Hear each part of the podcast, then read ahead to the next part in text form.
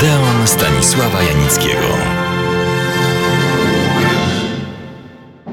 Pozwolę sobie przypomnieć, że naszą opowieść o Ingrid Bergman, znakomitej aktorce szwedzko-amerykańsko-włoskiej, przerwałem w przełomowym momencie jej życia i twórczości. Otóż pokochała bo cóż innego mogło być przyczyną tak radykalnego kroku.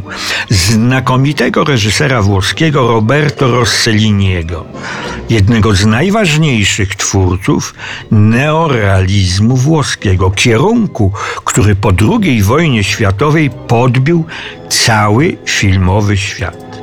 Sztandarowym dziełem Rosselliniego był film Rzym Miasto Otwarte i z tym reżyserem związała się Ingrid Bergman. Oficjalnie i legalnie. Wywołało to w Stanach Zjednoczonych Ameryki Północnej prawdziwy szok i potępienie. Zdradzić Hollywood. Któż by się odważył? Ale Ingrid Bergman się odważyła. Pierwszym filmem, w którym zagrała, oczywiście pod batutą swego nowego męża, czyli Roberto Rosselliniego, był w 1949 roku film Stromboli.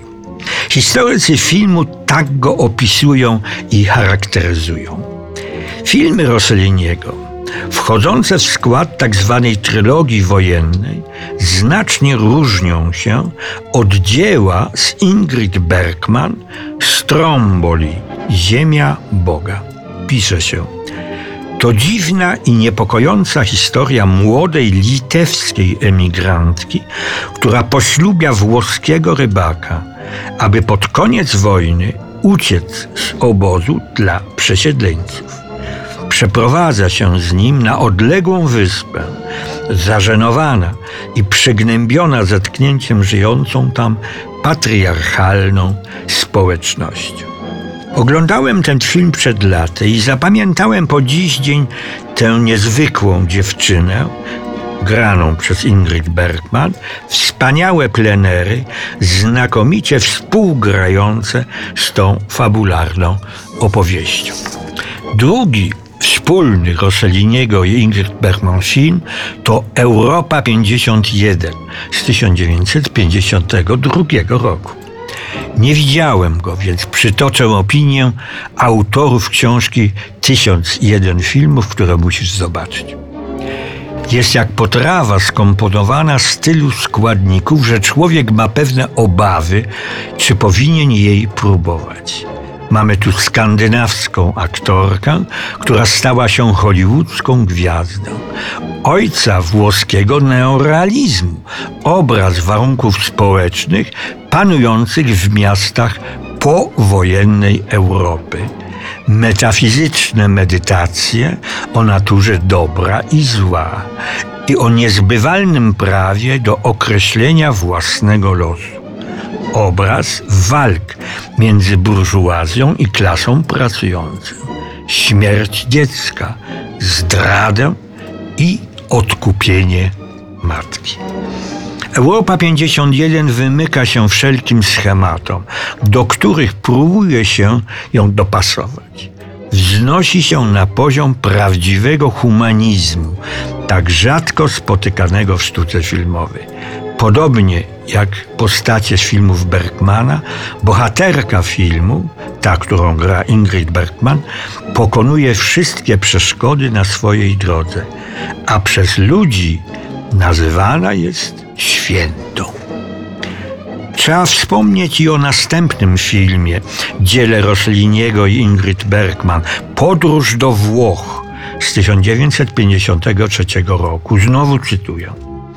Współcześni krytycy mówią o komedii kryzysu małżeńskiego.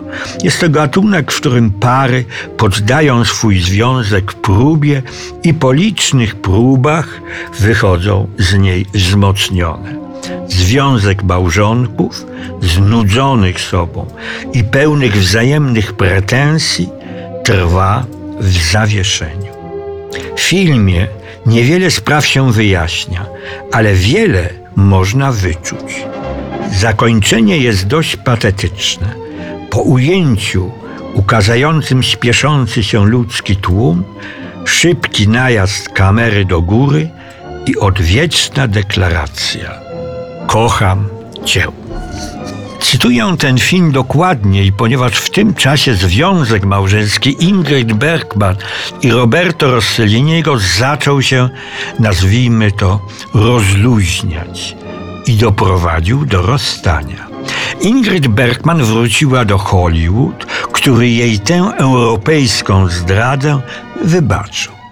Za dobrą była aktorką i za bardzo, mimo wszystko, kochaną przez publiczność. Zagrała jeszcze w dwudziestu filmach.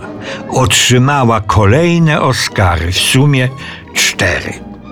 Po rozwodzie z Roberto Rossellinim wyszła kolejny raz za mąż za szwedzkiego producenta, z którym po kilku latach się rozwiodła.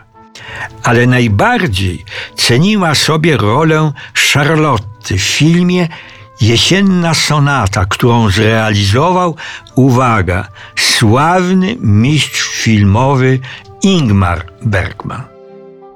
Ingrid Bergman zmarła w dniu swoich urodzin 29 sierpnia 1982 roku w wieku 67 lat po długiej walce z rakiem. Jej prochy, zgodnie z jej życzeniem, rozsypano nad szwedzkim wybrzeżem. Część jej prochów spoczywa na najstarszym sztokholmskim cmentarzu. A ja zapraszam Państwa na kolejny filmowy Odeon.